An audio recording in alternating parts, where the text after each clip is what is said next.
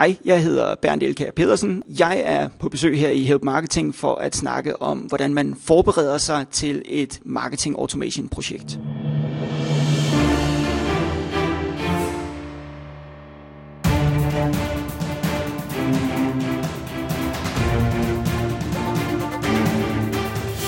Det her er Help Marketing Podcast, lavet for dig, der arbejder med digital marketing, salg og ledelse, og som gerne vil opnå succes ved at hjælpe andre. Jeg hedder Xing, så Help Marketing producerer så min virksomhed, som hedder Nochmal. 173, det er afsnitnummeret, som vi er nået til, og det er Bernt Elkær Pedersen, som vi har på besøg. Fokus med Help Marketing er, at vi skal blive bedre til at hjælpe hinanden, fordi det er den absolut bedste måde at skabe succes for sig selv og andre på, baseret på værdifulde relationer. Og vi hopper direkte til ugens marketingværktøj, der i den her uge er sponsoreret af Marketing Automation Bogen. Og det er faktisk den, som øh, Bernd han er øh, forfatter til. Du kan nemlig få en tredjedels rabat. Det er 500 kroner plus moms rabat på Marketing Automation Bogen, hvis du bruger koden HELP, som i Help Marketing. Så hvis du går ind på Bærens hjemmeside, som hedder berndelkær.dk, eller bare søger på uh, Marketing Automation Bogen, så får du simpelthen 33,3% rabat ved at bruge koden HELP. Uh, men tag nu og lyt til interviewet før, uh, så du lige kan vurdere, om det her med marketing automation er noget for dig. Men det, altså, det er en skide god bog. Jeg har selv købt den, uh, så jeg kan kun anbefale det, også hvis du har tænkt dig at arbejde videre med det.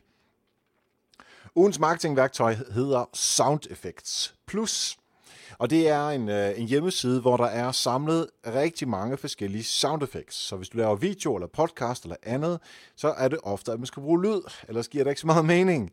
Øhm, så de budskaber, du laver, det dem får du øh, understøttet og de har omkring 5.000 gratis lydeffekter, som man simpelthen kan downloade.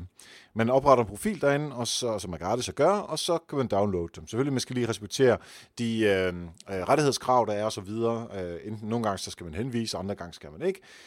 Hvor man eksempelvis ikke skal henvise, det er en lyd af denne her gammeldags typewriter. Så hvis du vil krydre din video eller din podcast med skrivemaskinlyde eller andet, jamen så kan du prøve ind på øh, soundeffectsplus.com, strevet ud i en køre. Og tak til Marketing Automation Bogen og selvfølgelig Bernd for at være sponsor her på ugens marketingværktøj. Der er altså 500 kroner rabat, men det fortæller jeg om lidt mere senere. Du kan følge alle de her værktøjer samlet på nokmal.dk-tools, og hvis du har lyst til at dele et værktøj med mig, så mail det til mig på eriksnabelag.nokmal.dk, så kan det være, at det kommer på podcasten og alle til gavn. Og nu er det altså tid til at dykke ned i Marketing Automation.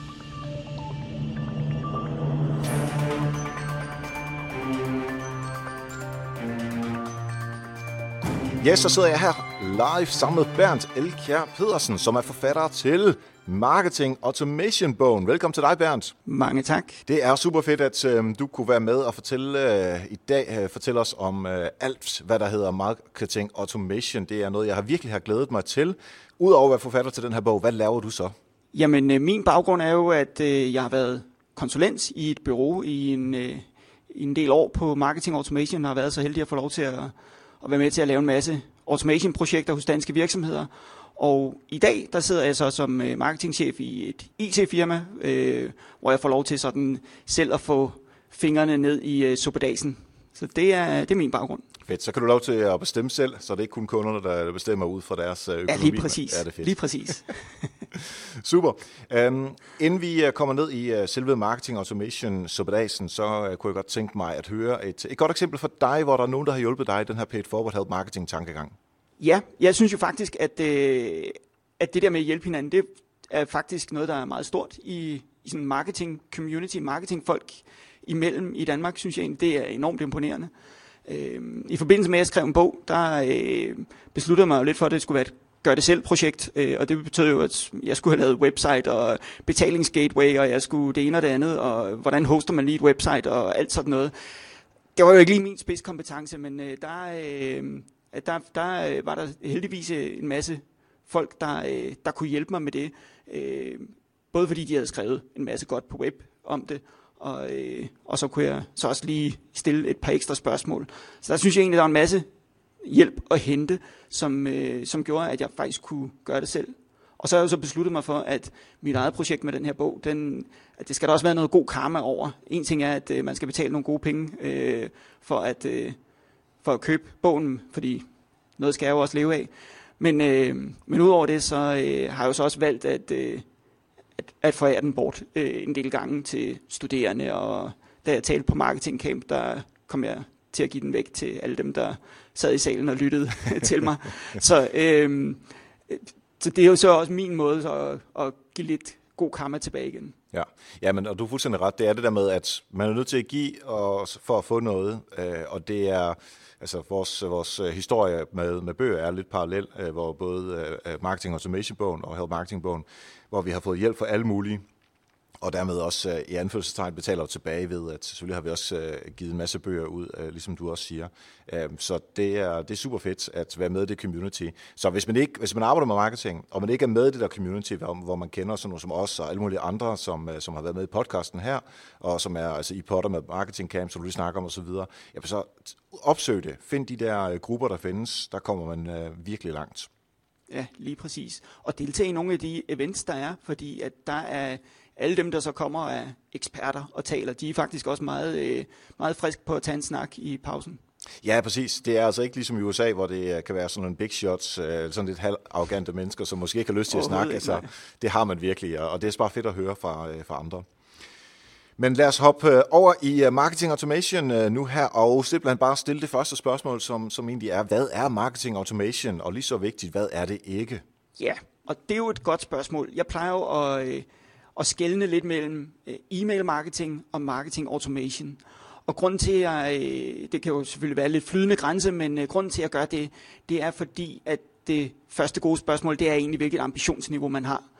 Jeg øh, synes jo, at øh, klassisk e-mail marketing, hvor at man sender, sender kampagne-e-mails, nyhedsbreve, alt i den dur, det er fint nok. Det er der ikke noget i vejen med at have det ambitionsniveau.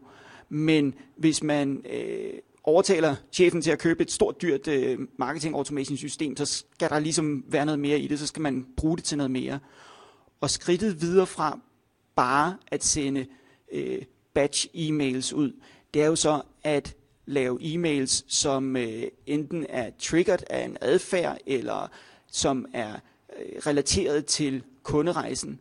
Det der med at begynde at personalisere og øh, sørge for, at e-mails kommer ud på det helt rigtige tidspunkt, og at det øh, alt sammen er relateret til de enkelte faser i øh, modtagerens kunderejse. Det synes jeg, det faktisk er det, der er definitionen af marketing automation. Så er det ikke bare mig, der sidder og segmenterer og vælger, hvornår der er noget, der skal udsendes, fordi det passer mig. Så er det rent faktisk kundens adfærd, der afgør, hvornår øh, de modtager en e-mail. Og det synes jeg egentlig er den bedste definition på, når vi snakker marketing automation. Så det er ud fra kundens øh, behov eller kundens situation, snarere end hvornår jeg har tid til at øh, forfatte et nyhedsbrev? Ja, lige præcis. Mm-hmm. Lige øh, præcis. Og så ligger der selvfølgelig også noget automatisering i det her, øh, som, fordi man kan jo sagtens, man, hvis, hvis man havde alle ressourcer i hele verden, så kunne vi jo ansætte øh, 50 mand, som bare sad og skrev nyhedsbreve ud på det tidspunkt, ja. hvor vi vidste, at folk havde øh, brug for dem. Øh, men det er jo ikke det, som vi vil. Det er det jo ikke. Jeg plejer også at sige, hvis jeg nu skulle sende en øh, e-mail til dig, øh, så ved jeg jo godt nogenlunde, hvad du interesserer dig for, og øh, måske har jeg snakket med dig og spottet, at du lige har et helt aktuelt behov. Jamen, så kan jeg jo godt skrive en, øh, et godt budskab lige til dig. Men hvis man skal gøre det med tusinder og tusinder i databasen, så kan man ikke. Man kan simpelthen ikke holde overblik over det. Man har brug for øh, et system, der indsamler og konsoliderer øh, alle de her data og knuser alle de data og finder ud af, åh, oh, Erik han har faktisk øh, interesse i det her, og han har faktisk lige markedet efter noget lige nu, så det er nu, vi skal påvirke ham. Og, og det kan man jo kun gøre øh, maskinelt, det kan man jo ikke gøre som, som person. Så det har man brug for teknologi til. Og hvad er det så, øh, man skal have på plads for at kunne begynde at arbejde med øh, marketing automation? Ja, jeg synes jo, den første fejl, det er at starte med at købe et system og gå i gang. Øh, det, det er den klassiske fejl. Når man de folk de tænker lidt, at det her det er, sådan, det er e-mail marketing på dope. Det, der skal bare lige ganges med 10 og skrues op for det hele. Og, og så øh, får man bare den der vildt dyre e-mail-kanon, som, øh, som man ikke rigtig kan bruge til mere, end man egentlig brugte sin gamle MailChimp eller et eller andet til. Øh, så det første, man skal gøre, der, det er egentlig noget internt arbejde. Man skal starte med at snakke med sin ledelse og høre, hvad de egentlig har af, øh, af målsætninger for marketing. Man skal snakke med salgsafdelingen, man skal snakke med kundeservice. Det her det handler om kunderejsen, og det vil sige, hvor jeg måske førhen skrev nyhedsbreve og promoveret nogle produkter, så taler vi jo ind til hele kunderejsen nu. Det er både i begyndelsen, hvor folk måske ikke rigtig har erkendt et behov, de er i hvert fald ikke i markedet, de er ikke øh, gået ud og googlet efter produkter endnu, men det er måske også i den anden ende, hvor øh, vi laver øh, onboarding til dem, som har købt et produkt, eller noget retention eller winback til, øh, til de kunder, vi er mere ved at miste. Alt det hører jo også med til marketing automation. Det hører med til den samlede kunderejse. Og det betyder, at vi kommer jo til som marketing at blande os i alt det, som alle de andre går og laver. Så vi blander os med budskaber, mens sælgerne er ude og lave noget, og mens kundeservice er ude og lave noget. Og alt det skal vi jo have afstemt med dem. Vi skal jo sørge for, at det, som vi i marketing laver, at det passer sammen med det, som alle de andre går og siger, og at, øh, og at de ikke ser os som modspillere.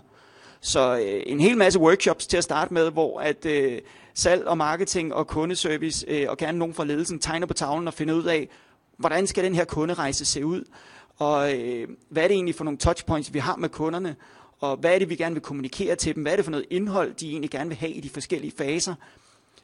Den type workshop er man nødt til at starte med, så alle er fuldstændig på samme side og er helt enige om, hvad der er, der skal ske. Det er super vigtigt at starte med. Og det betyder vel også, at man har brug for noget data for at forstå, hvordan kunderne allerede i dag, altså deres adfærd er i dag? Helt klart. Øh, der er brug for mange data, og der er brug for meget viden. Og så er det jo, man må træffe en beslutning om, hvor stort et projekt skal det her være. Fordi der er jo nogle øh, store virksomheder, som, øh, som bruger et halvt år, hyrer et eller andet eksternt bureau til at lave en stor analyse ud og interviewe øh, 50 kunder og lave en stor rapport for at kunne kortlægge præcis, hvordan kunderejsen er. Men det er også de færreste, der kan leve med, at det første er om et halvt år, at man sender den første e-mail ud. ja. Øh, der, der når man at få klø af chefen inden da, som regel. Øh, ledelsen trækker jo stikket på det, hvis ikke der er et eller andet, øh, hvis ikke du kan vise noget, hvis ikke, hvis ikke du kan vise nogle resultater på forholdsvis kort sigt. Så øh, den lille model er jo at trække på den erfaring, som sælgerne og kundeservice har, og prøver, de ved jo rigtig meget om, hvad der sker ude ved kunderne. Hvis du spørger kundeservice om, hvad for, hvad for nogle 10 spørgsmål stiller kunderne mest, når, øh, når de lige starter med vores nye produkt, så har de jo en helt klar holdning til, hvor det er, skoen den trykker. De, de ved jo godt, hvad det er, kunderne gerne vil vide. Det kan du også bruge meget tidligere i kunderejsen. Så bare den erfaring sætter dig jo i stand til at gøre noget klogt, men øh, kan man så lige supplere med at interviewe sådan rent kvalitativt øh, en håndfuld kunder, så har man faktisk et meget godt fundament øh, at starte på, som ikke tager et halvt års øh, analyse hos et bureau. Ja, og man skal også tænke på, meget af det data, det har man jo allerede forvejen. Det skal bare, altså man skal lige sætte det sammen på den rigtige måde, altså forstå, hvilke kontaktpunkter ja. man har.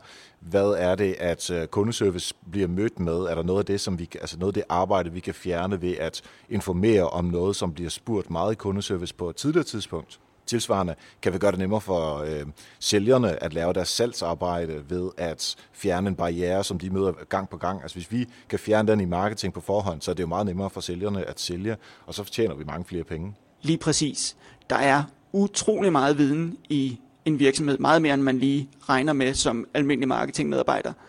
Øh, omvendt vil jeg så også sige, at øh, det er meget få af de data, der rent faktisk er nede i databasen. Øh, det er som regel sådan, at når man kommer ud øh, som konsulent, så, øh, så sidder de på den anden side og tænker, åh, Bernd, vi ved godt, vores data, de er sikkert ikke, de er sikkert ikke knivskarpe. Øh, og når vi så kigger ned i det, så viser det sig, at det er faktisk meget værre end det. Fordi øh, data er simpelthen bare ikke valide, de er dårlig kvalitet. Øh, jeg har set masser af gode eksempler på, at, øh, at der i fornavn står Peter, og i efternavn så står der øh, den sure idiot. Fordi det var det, som øh, kundeservice-medarbejderen lige følte den dag, han snakkede. Og øh, det, det er forholdsvis ufedt at øh, brevflette ind i, øh, i en e-mail, skal jeg hilse at sige. Ja. Øh, Kære Peter, den store idiot. Så der er masser af, der er masser af eksempler på, at, at data øh, er simpelthen bare for dårlige i databasen, men viden i virksomheden er der. Så det er jo, der er et stort arbejde i at få al den viden konsolideret ind.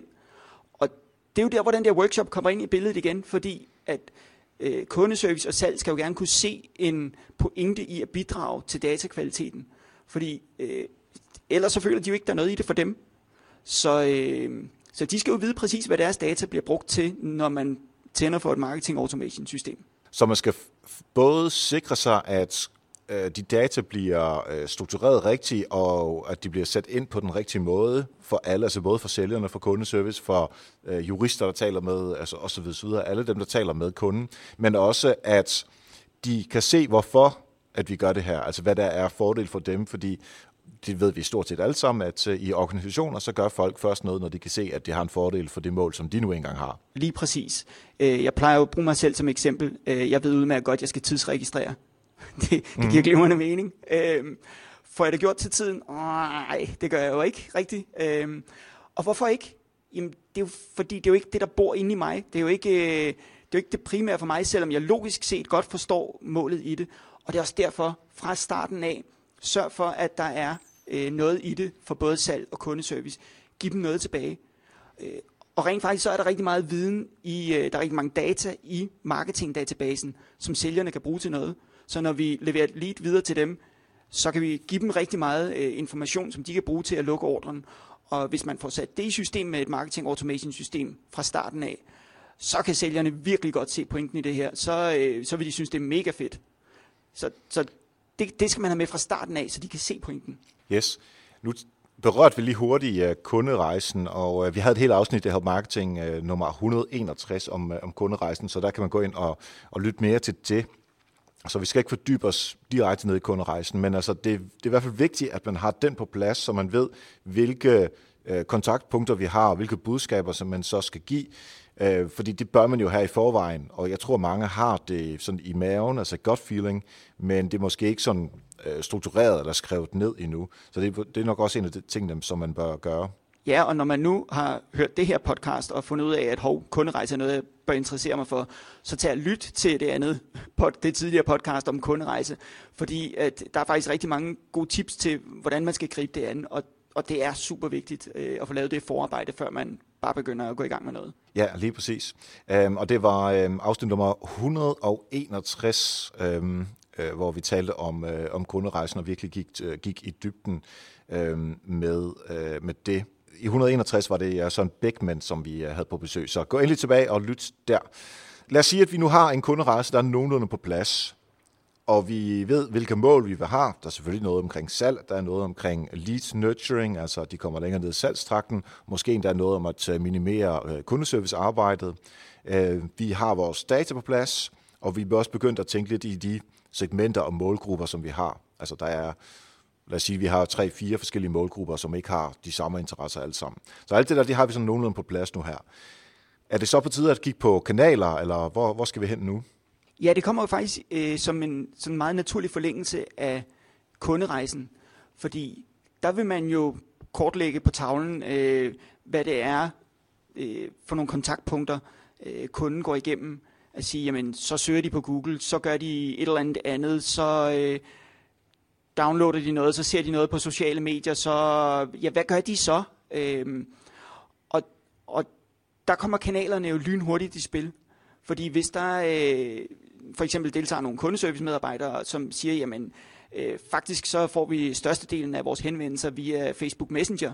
Øh, okay, jamen øh, så skal vi jo have det med i det samlede billede.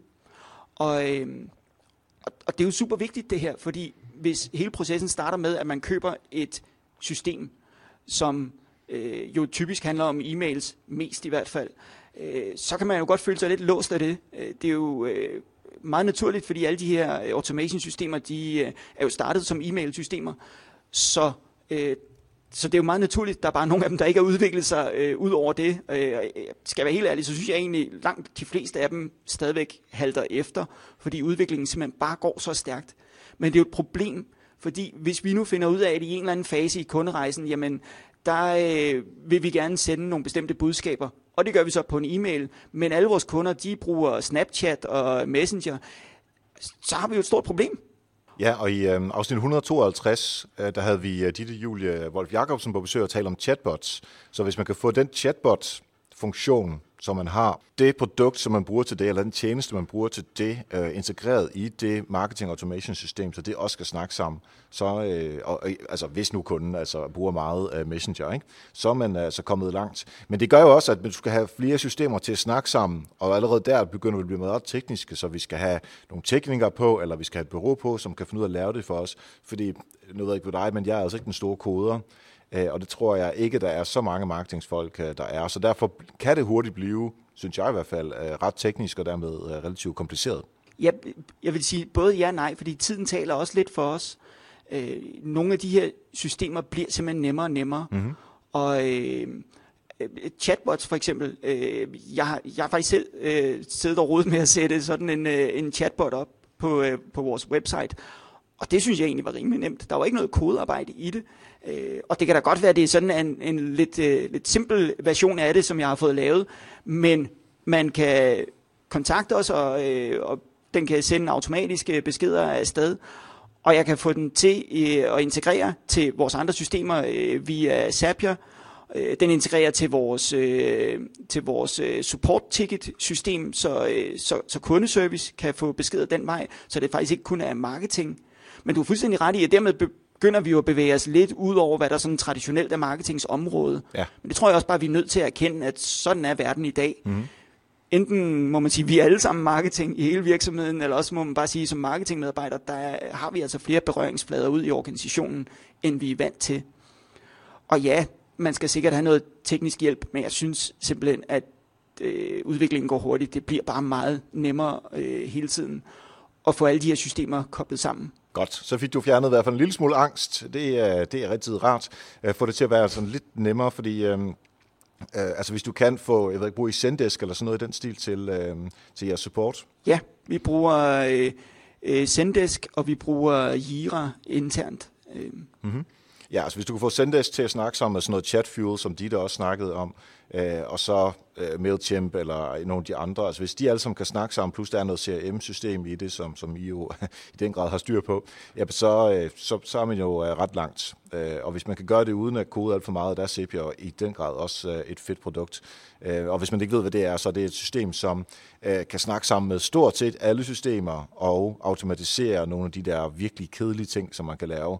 Altså eksempelvis har jeg et setup, der gør, at hvis man, hvis man har købt Help Marketing-bogen og har, øh, giver feedback på den, så får jeg det ind i, øh, i WordPress i en øh, plugin, og der ligger så din feedback, hvis du har skrevet den, og den Zapier siger så, okay, der kommer nyt øh, input her for, øh, i, i WordPress, smid det over i et øh, Excel-ark over på Google Docs, altså et Google Sheets er det så, ikke? Og så bliver de alle sammen bare lagt under hinanden derinde. Det vil sige, så har jeg et fint overblik over alle de inputs, øh, der har været. Og det behøver jeg ikke gøre noget for, så bliver det meget nemmere for mig at overskue det. Og det kan du gøre på tværs af stort set alle kanaler. Det er super smart. Og kræver ingen kodeevner, nej, vil jeg mærke. Good point. og og nå, men det er jo det, altså, og jeg bruger det til tonsvis af ting. Øh, noget så banalt som, når folk udfylder en formular på websitet, så ryger det igennem, øh, igennem det system når folk deltager på øh, et webinar, vi afholder, jamen så kommer data igennem, øh, igennem Zapier.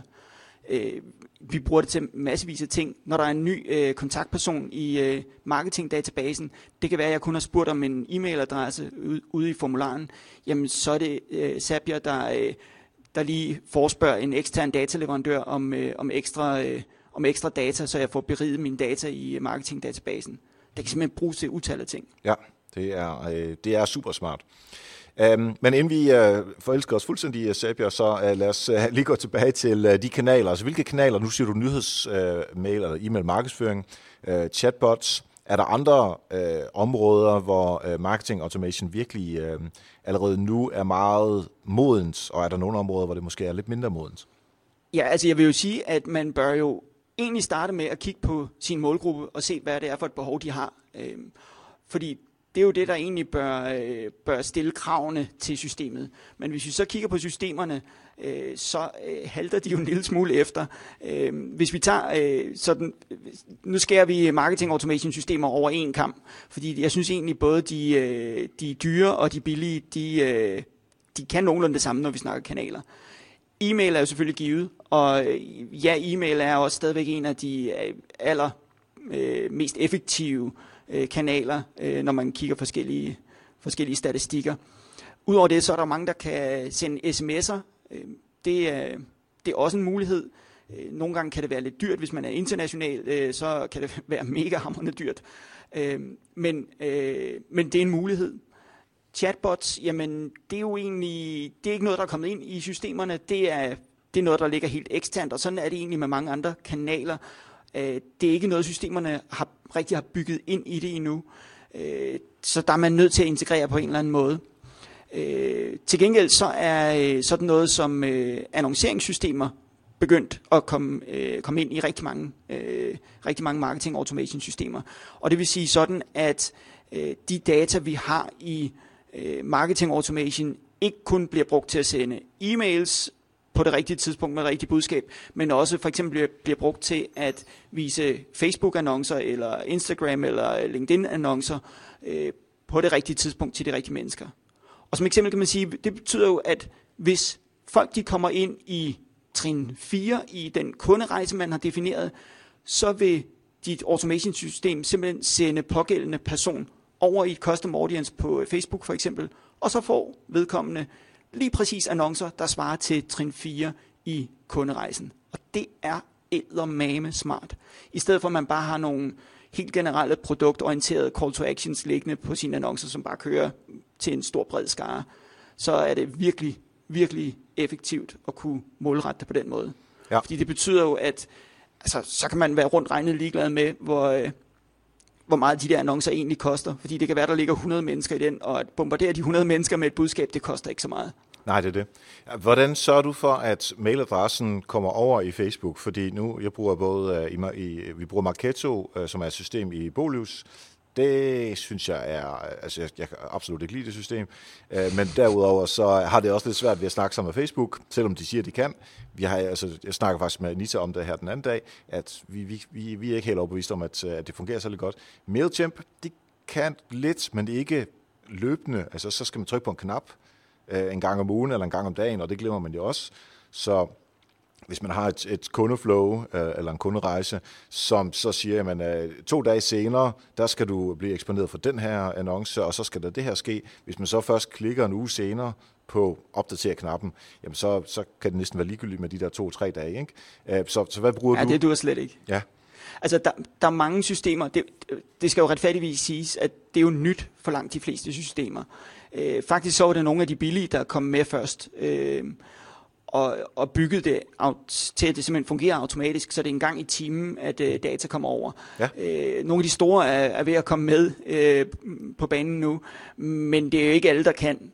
Øh, det, det må man jo bare erkende, at det er jo ikke alle, der udvikler lige hurtigt. Det synes jeg faktisk, hvis man overvejer, hvad for et system man skal vælge, så synes jeg faktisk, at øh, noget af det, man skal kigge på, det er, hvor hurtigt de er til at udvikle nye ting. Mm-hmm. Det skal ikke bare være et spørgsmål om, hvor fedt systemet er nu. Noget af det vigtigste, det er, hvor fedt systemet er om et år. Fordi der skal ja. det kunne noget helt andet.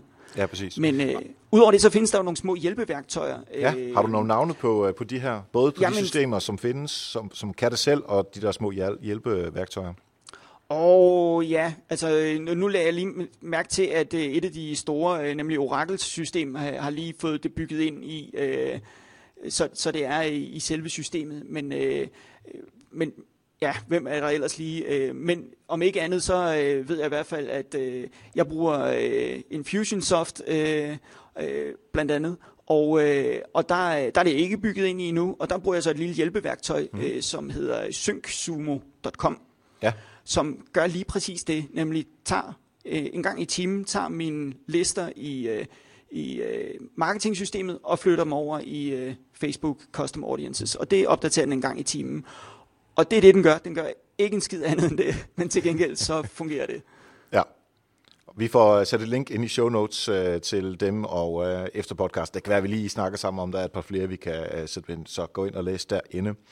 Øh, fordi det gør det jo meget nemmere, at man ikke skal... For vi taler jo om marketing automation. Det er automation-delen, så vi ikke selv skal til at trykke på en knap. Det er det, der er det vigtigste uh, her. Helt sikkert. Man skal lade være med at lave noget som helst setup, som kræver, at man selv skal ind og, og trykke på en knap, fordi når hverdagen rammer, så får man ikke gjort det. Lige præcis. Hvad med sådan noget som uh, integration til sit website? Uh, lad os sige, at vi har en trigger, som, uh, som, som sender en mail eller en annonce eller uh, whatever, en chat, øhm, som, øh, som sker, hvis du har set tre artikler om podcasting på nokmal.dk, eller du har læst øh, fem artikler og, og to videoer på bolig.dk om, øh, om skimmelsvamp eller sådan noget, så vil vi gerne sende dig en mail, eller vi vil gerne sende dig en annonce. Hvordan øh, får man den integration med ind? Der er jo helt simpelt, øh, at langt de fleste systemer har en, en tracking-kode, som man lægger på sit website, så systemet simpelthen holder øje med, hvilke sider har vedkommende besøgt. Og så, øh, og så er det jo et spørgsmål om at få alt det kategoriseret. Der er nogle af enterprise-systemerne, så skal vi op i en høj prisklasse, der, øh, der kan de simpelthen hive metatags fra siderne, øh, så, så du får kategoriseringen helt automatisk. Og ellers så er det nødt til at være sådan lidt, øh, lidt manuelt arbejde inde i, øh, i automation-systemet, hvor du så sætter op og siger, at de her 10 sider, de handler om det samme emne, og hvis folk har læst øh, tre af dem, jamen så gør vi et eller andet. Mm-hmm. Langt de fleste systemer har sådan en helt simpel scoringsmodel med, at, øh, at hvis du øh, ser en side, eller klikker på øh, en e-mail, eller et eller andet, åbner en e-mail, så giver det så kan du vælge, hvor mange point det giver, og så får du et eller andet øh, fra 1 til 5 øh, hjerter, eller stjerner, eller dollartegn, eller hvad de nu hver især arbejder med. Men noget af det, jeg synes, der er øh, interessant at bygge oven på det, det er lige præcis øh, det der med at kigge på folks adfærd ude på websitet, og så enten øh, bruge det til at trigger outbound budskaber, øh, men også til at omsætte det til data, du kan putte ned i databasen.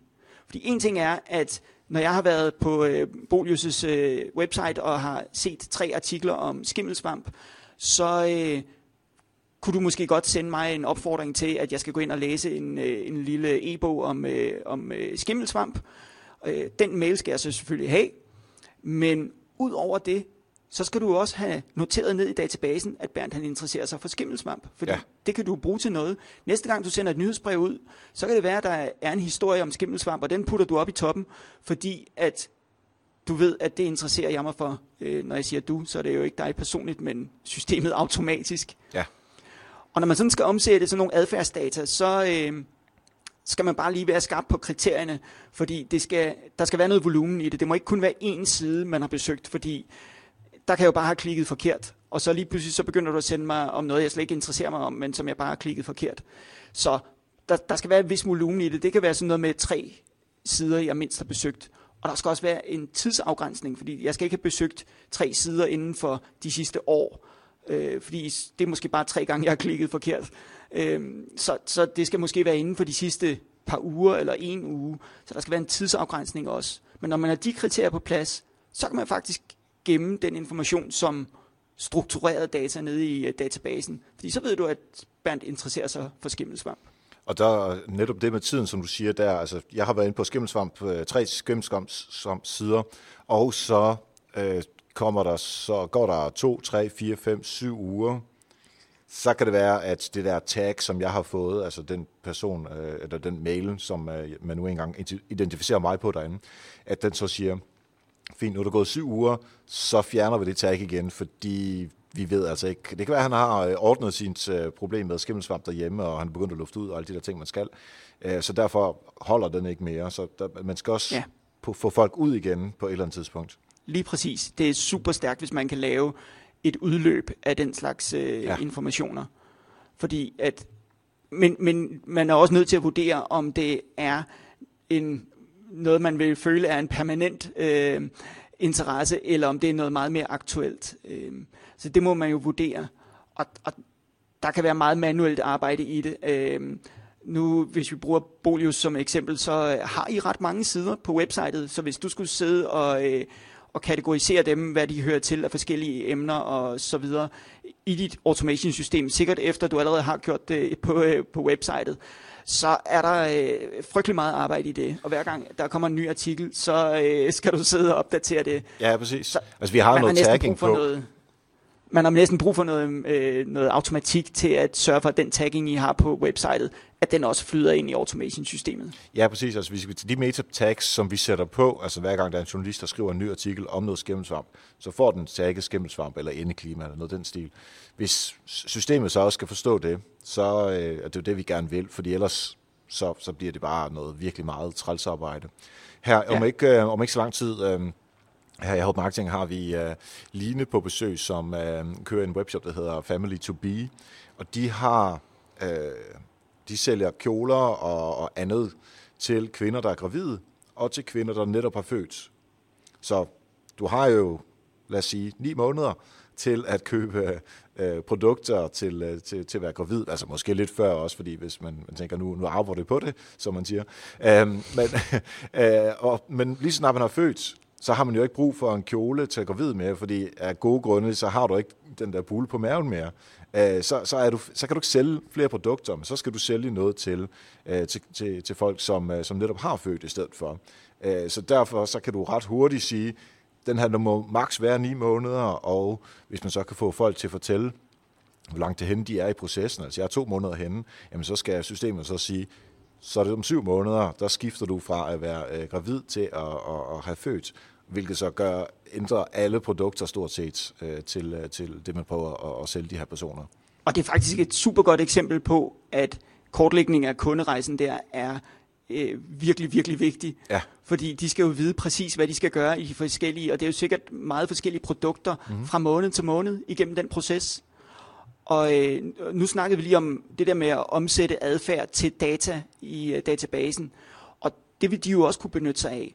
Fordi øh, man vil jo, når man tegner kunderejsen på tavlen, så vil man lynhurtigt finde ud af, at noget af det allervigtigste at, at, øh, at få fra kunden, det er at finde ud af øh, terminsdatoen. Fordi ja. så ved vi lige præcis, hvad vi skal gøre hvornår. Øh, men det er jo ikke sikkert, at der er nogen, der lige har lyst til at, øh, at svare på det spørgsmål. Det vil jeg skyde på, at det vil kun være nogle få procent, der har lyst til at svare på det spørgsmål. Men ud fra deres adfærd på websitet, kan vi måske sagtens udlede det alligevel. Hvis, øh, hvis de kigger på tøj til nogen, der er øh, tre måneder henne, så kan vi måske godt udlede, at vedkommende er tre måneder henne. Hvis man... Øh, laver en lille artikel øh, til dig, der øh, øh skal føde om tre måneder, øh, og dem, der læser den, må ikke, de er rundt regnet øh, tre måneder fra, øh, fra terminsdatoen. Øh, på den måde kan man jo sagtens omsætte folks adfærd til et kvalificeret gæt på, øh, på, øh, på datoen, og så kan automation-systemet handle ud fra det. Præcis. Eller laver en eller anden form for test, hvor man så siger, Øh, hvilke måned øh, eller hvilken uge har været sværest for dig? Øh, jeg har en, en, en ven, hvis, øh, hvis kæreste har det meget med at kaste op, øh, nu, øh, hvor hun er gravid øh, indtil øh, 14. uge, eller jeg ved ikke præcis, hvornår det var. Øh, hvis, hvis vedkommende så kan sige, øh, jamen, i 13. uge og 14. uge og i 4. uge, der var det virkelig svært. Men de ikke går videre, jamen, så kan man også udlede igen. Måske de ikke nået videre end 14. uge. Så hvis man bare er lidt kreativ med at, at få folk ja. til at fortælle nogle ting, uden at de egentlig fortæller terminsdatoen, så kommer man ret langt. Lige præcis. Jeg må sige, jeg havde ikke regnet med, da vi startede det her podcast, at, øh, at to mænd skulle sidde og snakke om graviditet. Men det er fint. Det, det virker.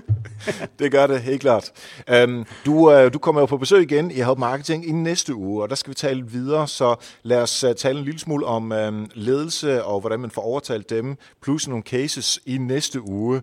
Øhm, og lige om to sekunder, så vil jeg gerne øh, have sådan nogle helt konkrete råd for dig om, hvordan man kan gøre øh, sin virksomhed klar til marketing automation. Men inden da, der vil jeg gerne have lov til at takke alle jer, der lytter med til Help Marketing hver eneste uge. Og normalt, der vil jeg selvfølgelig lægge op til, at du skal købe Help Marketing-bogen, fordi det er Anita og min lille baby. Det synes jeg selvfølgelig altid, du skal. Men den her uge, der vil jeg så øh, lige fortælle om Marketing Automation bogen. Nu har vi jo hørt en del på, øh, på Bernd, og vi skal høre en lille smule mere her om lidt. Øh, så hvis det er noget, der interesserer dig, altså det her med Marketing Automation, øh, og du tænker, det er noget, måske noget, jeg skal ud og arbejde mere med, jamen så er det altså nu, du skal slå til på Bernds Elkjær help.dk, og så brug koden HELP, inden du øh, betaler, fordi så helt på magisk vis, så øh, får du 33% rabat. Altså der er simpelthen lige 500 kroner plus moms, som ryger af prisen. Så det øh, synes jeg helt klart, du kan gøre, hvis du er interesseret. Eneste ting er, at det er kun frem til 22. januar, så du har, øh, du har en lille 5-6 dages øh, tid herfra. Øh, det er i hvert fald, du skal nå det inden næste Help Marketing udkommer. Yes, Bernd, har du et par råd til os øh, til, hvordan man kan komme i gang i virksomheden med marketing automation på sådan en relativt hurtig måde, sådan kort og kontant? Jeg synes, at når man skal i gang med et marketing automation projekt, øh, så det første, man skal gøre, det er at blive enig med sin ledelse om, hvad målet egentlig er. Øh, hvad er det, vi forretningsmæssigt gerne vil nå? Øh, og det næste, man så skal gøre, det er jo så at øh, holde en workshop, invitere salgsafdelingen og kundeservice og alle dem, der har kundekontakt, tegne på tavlen, finde ud af, hvad er det egentlig, vi gerne vil kommunikere i de forskellige faser af kunderejsen, sådan at vi fuldstændig aligned om, hvad det er, vi kommer til at gøre med marketing automation. Og så kan man begynde at kigge på systemer bagefter. Fedt. Så vi skal have ledelsen med, vi skal have kollegaerne og hele organisationen med, og først derefter så taler vi teknik. Lige præcis. Fedt. Bernd, øh, næste uge, der kommer du allerede på besøg igen, så det øh, glæder jeg mig til. Men øh, inden da, hvis øh, der er allerede nogen, der tænker, det er jeg så bare nødt til at vide mere om, og har man jo nødt til at følge, eller måske købe hans bog, hvor kan man gøre det hen? Jamen, bogen det er på mit øh, site, Bernd Elkjær. Det er b e r n t e l k j a e r.dk. Mm-hmm. Og ellers så er jeg at finde øh, på øh, LinkedIn og på øh, Twitter. Det er der, jeg er, øh, er mest aktiv. Fedt. Så der er man velkommen til at connecte og sige hej. Yes, og vi har links til det hele på, uh, på show notes, så der kan man også kigge med. Tak fordi du gjorde os klogere, og vi ses i næste uge. Selv tak. Mange tak til Bernd. Han er jo uh, han er jo faktisk allerede tilbage næste uge her i Help Marketing, fordi jeg synes, emnet var så stort og omfangsrigt, at, uh, at vi skulle have to afsnit om det. Så vi, vi dykker endnu længere ned i det, og nu tager nogle cases øh, op næste uge, så øh, lyt endelig med der. Du kan desværre ikke vente en uge, hvis du vil have rabatten på, øh, på hans bog, øh, Marketing Automation bogen, øh, så skal du bruge koden HELP på berndelkjær.dk øh, frem til den 22. Så får du altså 500 kroner rabat alle noter til Help Marketing. Dem finder du selvfølgelig ind på helpmarketing.dk, og det er skrevet af Katrine Louise Nielsen fra KLN Copyright. Mange tak til Katrine, og også stor tak til øh, Thomas Landahl, der altid redigerer Help Marketing.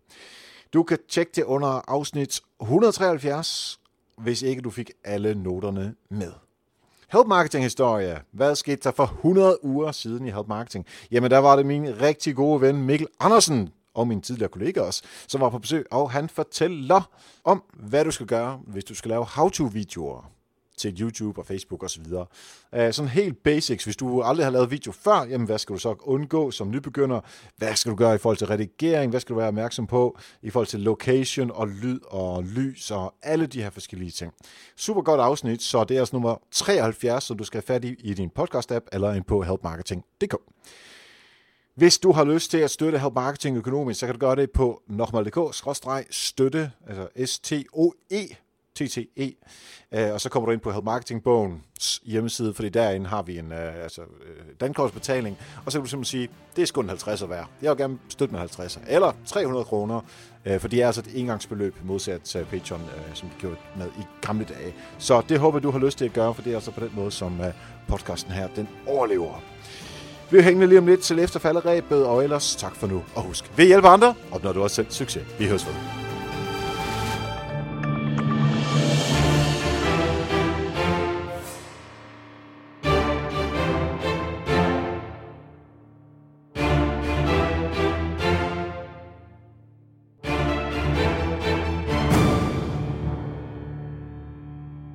I fælderæbet, der vil jeg sådan set ikke sige så meget andet, end at jeg har haft en forfærdelig uge. Det har simpelthen været, øh, jeg har været tæt på døden, øh, man flu, så øh, jeg kan godt sige, at jeg har været tæt på døden. Jeg er trods alt en mand, så mm, for mit vedkommende betyder det jo, at jeg slår svævet mellem jorden og himlen. Nogen vil sige helvede, men jeg, jeg for, forestiller mig, det er himlen, jeg ender i på et tidspunkt. Men øhm, jeg har simpelthen jeg har haft helsebetingelse i, øhm, i over en uge nu.